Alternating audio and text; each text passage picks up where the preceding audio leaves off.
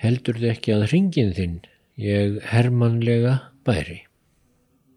Þegar Írenu einu raunverulegu keisarinju hins fágaða en gjörspilta Bísansríkis barst bónorð frá Karlamagnúsi, villimanni úr vestri. Hvað átt hún að gera þá? Gat verið að þessi stæstu ríki Evrópu um þær myndir ættu að renna saman. Þessi flækjusaga byrtist á vef stundarinnar 19. september 2021.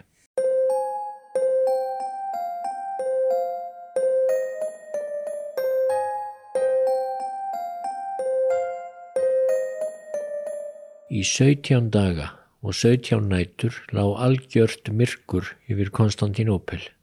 Þessi stóra, já þessi tröllslega og líflega borg, svo lang fjölmennasta og fjölskrúðugasta í heiminum kringum aldamótin 800, hún stundi nú af drunga og óta í myrkrinu.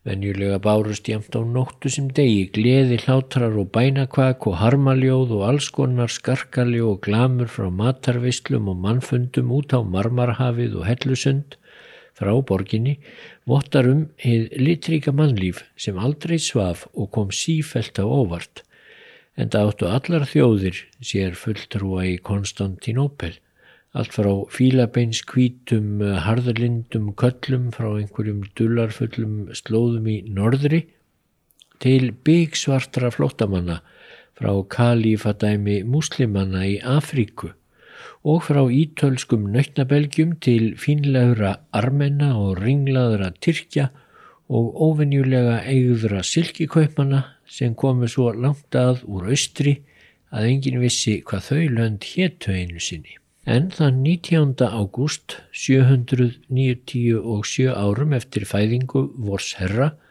þá hafði sólinn myrkvast og síðan lág myrkrið yfir borginni þrúandi og ógnvænlegt og það dró sífelt úr fjöri borgarinnar en kveinstafir jökust úr hverju hodni. Börn, gretu, konur, skulfu, jáfnvel harðineskjulegustu dátar til dæmis úr hinnum grimmu tárusfjöllum eða af balkanskaganum, þeir letu fallast á hnén og muldruðu bænir til Guðs og dýlingana um að sólinn mætti byrtast aftur. Hanar hættu að gala þegar engin sólreis, messur í kirkjum dróðust á langin eða hófust á ófyrirsjáanlegum tímum, brauð var ekki bakað. Allir vissu af hverju þessi hörmungar undur stöfuðu, allir litu til keisarahallarinnar sem Konstantínus Mikli, stopnandi borgarinnar og nafngjafi hennar hafði látið reysa fyrir bráðum 500 árum. Allir vissu að þar inni lindist sökudólkurinn sem bar ábyrð á allir þessari dimmu og allir vissu að sökudólkurinn var íreina keisarænja og myrkrið var refsing Guðs fyrir það ótrúlega óhæfu verk sem hún hafi látið vinna í borginni þegar hún fyrirskipaði að augun eruður rifin úr síni hennar og með svo ruttalegum hætti að hann myndi áraðanlega ekki lífa hryllingin af. En það dó hann brátt með blæðandi hólar upptóttir ákallandi guð en formælandi mömmu sem ólan úr kviði sínum. Jafnvel Guð sjálfur sem var ímsuvanur hafði fylst slíkrin neykslan og viðbjóði að hann lagði þetta myrkur döðans yfir alla borgina út af þessum óheirilega glæp. Í fyrri flækjusögu sagði ég frá þessu voðaverki í rennu keisarænju í Bísansaríkinu eða hinnu austur romverska. Írena var hress og falleg stelpa frá aðinu sem eh, fekk ofant tækifæri til að giftast Leó fjórða bísanskeisara af Ísáriuættinni árið 768 og þegar einmaðurinn dó 12 árum setna stýrði hún ríkinu um skeið eða þar til Konstantínus, sonur þeirra Leós, varð myndugur. Þá varð hún að láta af ríkistjórn sem hún gerði en sár nöðug. Í áratug magnaðist upp í Írennu, já hvað, valdafíkn, gremja vegna þess óréttlætis að kona get ekki farið með ríkistjórn í eigin nafni, ótti við að vanhæfni sonarins myndi færa ríkið á kaf eða einfallega óslökkvandi hattur í garð eigin sonar. Já, hvað sem það var þá endaða með þeim ósköpum sem henn töldu að hefði valdið 17 daga dimmunni í Konstantinópil. Það vildi nefnilega svo til að sem keisari var Konstantínus, svonur Írenu, alveg gagslaus.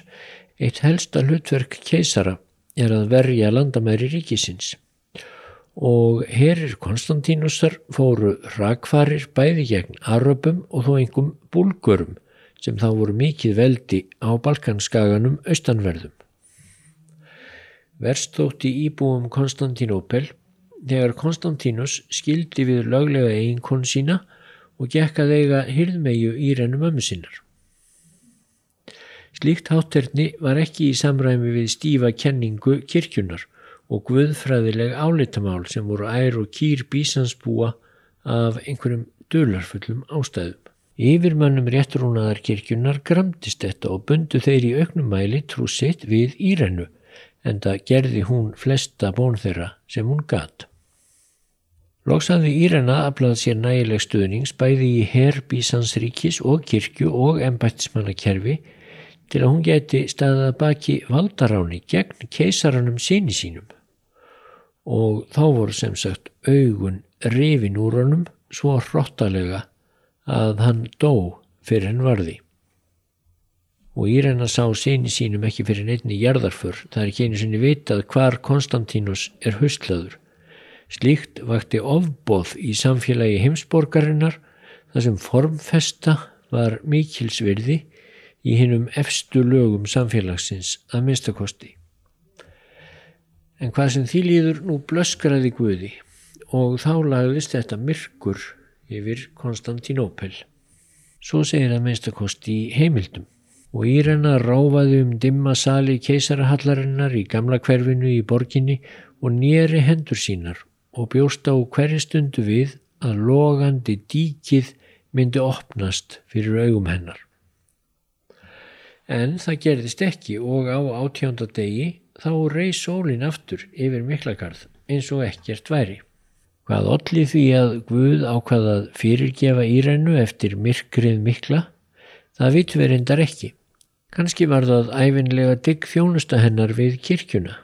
Hún hafði til að mynda spennt fæti við baráttu Leós eiginmannsins og hjálpar kokka hans gegn dyrkun á helgimyndum eða íkonum þótt allir heiðarlegir kirkjunar menn vissu að Guð væri sérstaklega hrifin af íkonum.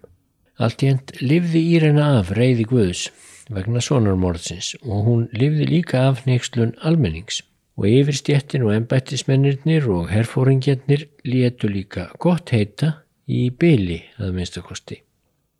Írena hafði verið döglega að afla sér stuðnings og samúðar síðustu árin og því fekk nú kona að sitja í eigin nafni í keisarastól Bísansríkisins í fyrsta sinn. Kona var því við stjórnmölin í helsta stórveldi Evrópu meðan haldið var með pompi og prakt upp á aldamótin 800. En staða Írenu var allartíð viðkvæm. Hún hafði ekki átt önnur börn en hinn ógefu sama Konstantínus og því blasti ekki við hver tæki við af henni. Það var alltaf mjög mikilvægt fyrir á tíð að til reyðu væri arftaki kongs eða keisara svo borgarastríð vafði ekki yfir þegar döðin heimsótti hásætti næst og Írena gæti ekki með góðu móti gengið í hjónabanda nýju þar sem þá mótti búast við því að þessir því krafist af forkólfum feðraveldisins að eiginmaður hennar yrði hinn raunverulegi valdamaður. Svo Írena gerði geldinga og kirkjunar menn að helstu ráðgjöfum sínum, þeir myndu aldrei sækjast eftir hásætinu, er það nokkuð. Bæði lög og hefðir sögðu að gallaðir menn gætu ekki orðið keisarar sem var æfinlega ástæðan fyrir því að keppinautar um völdin voru einlegt að blinda hver annan og högva af nef og hendur. og sannarlega töldust geldingar vera gallaðir. Það dugði Írenu því ekki lengi að reyða sig á geldinga. Sáriakos nokkur var helst í ráðgjafi keisarenjunar. Hann hafði gengið meðin í gegnum súrt og sætt. Hann var til dæmis sá sem hafði annast handtöku og síðan aukstungu Konstantínusar á sínum tíma.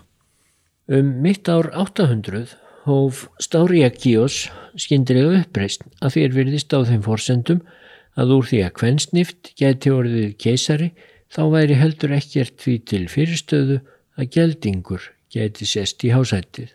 Uppreist Stáriakíosar var reyndar ekki upp á marga fiska. Hugmynd hans þótti flestum fráleit og svo hóstaðan upp líftórunni í miðjögkafi en þetta sínir hver staða í rennu var viðkvæm. Annar helsti geldingur í rennu, Etios, byrjaði nú einnig að plotta gegn henni bak við tjöldin. Hann ætlaði ekki að gera sömu mistöku og Stáriakíos og höfðist í gera bróður sinna keisara en ekki setjast í hásætið sjálfur.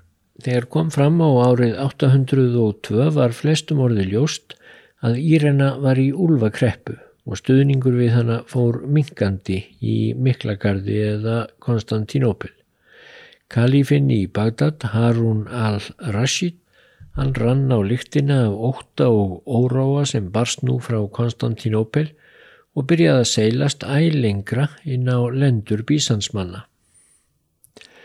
Ef kalífinn gerði alvöru innrás, þá gæti Írena ekki beitt herr bísansmanna gegn honum Kona gæti kannski verið keisari og staðið af sér 17 sólarhinga myrkur í umsátri en hún geti ekki stýrt herr á vývelli um það voru allir samála.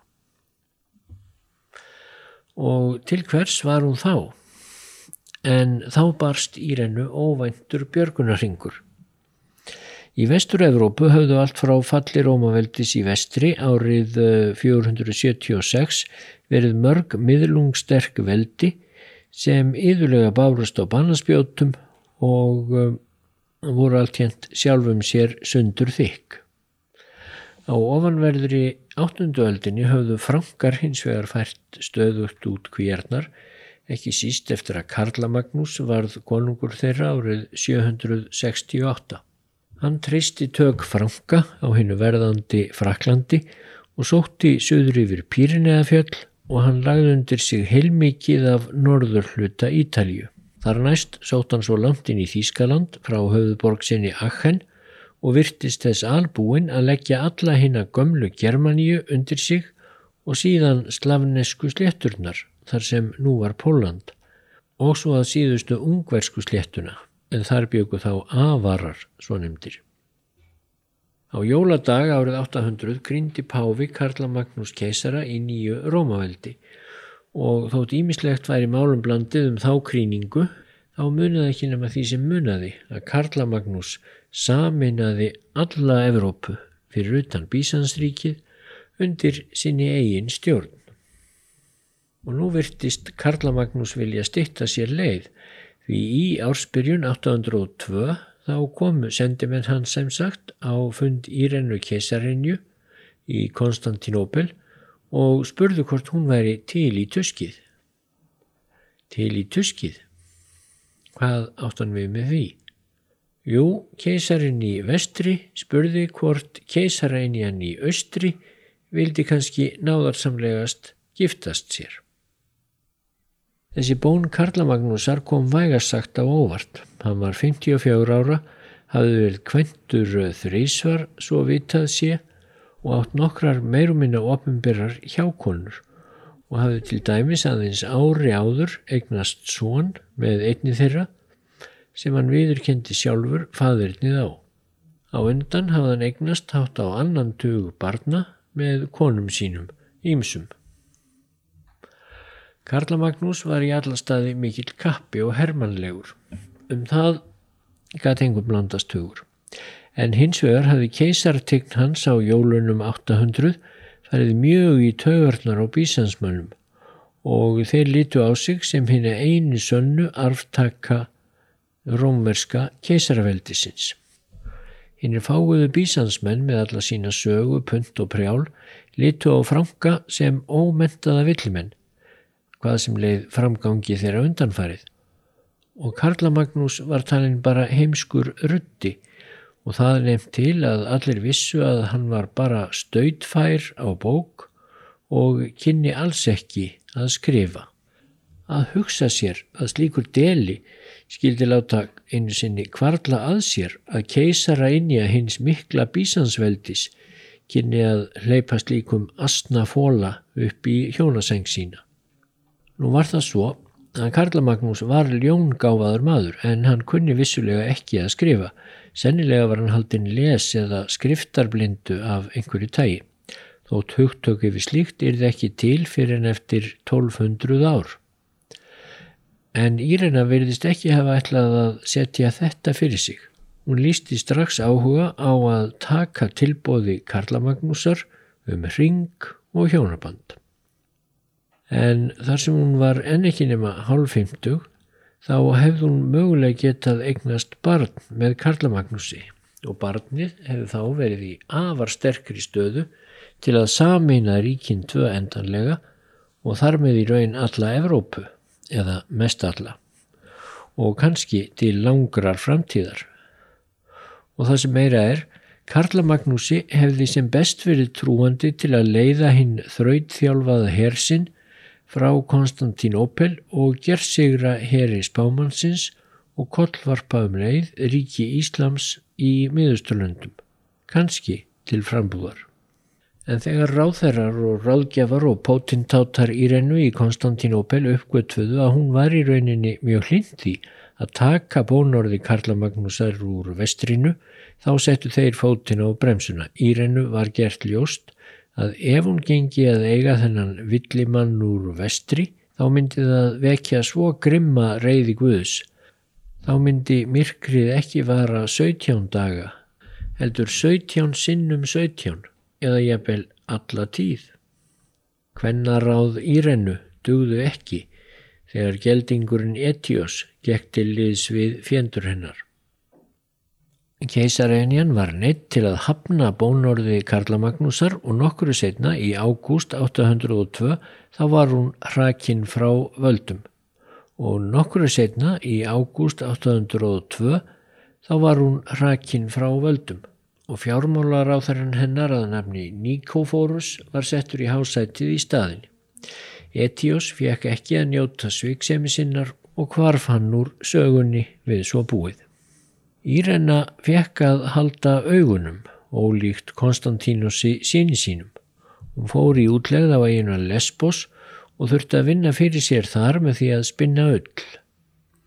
Þar dó hún árið setna, kannski let Níkeforus myrðana og kannski dó hún úr hræðslu við draug sónarsins sem sagður var hafa fyllt enni til Lesbos. Kanski fekk hún bara síkingu í fót, en þannig laug allavega fyrstu og einu tilraun konu til að setjast í eigin nafni í keisarastól í Miklagarði.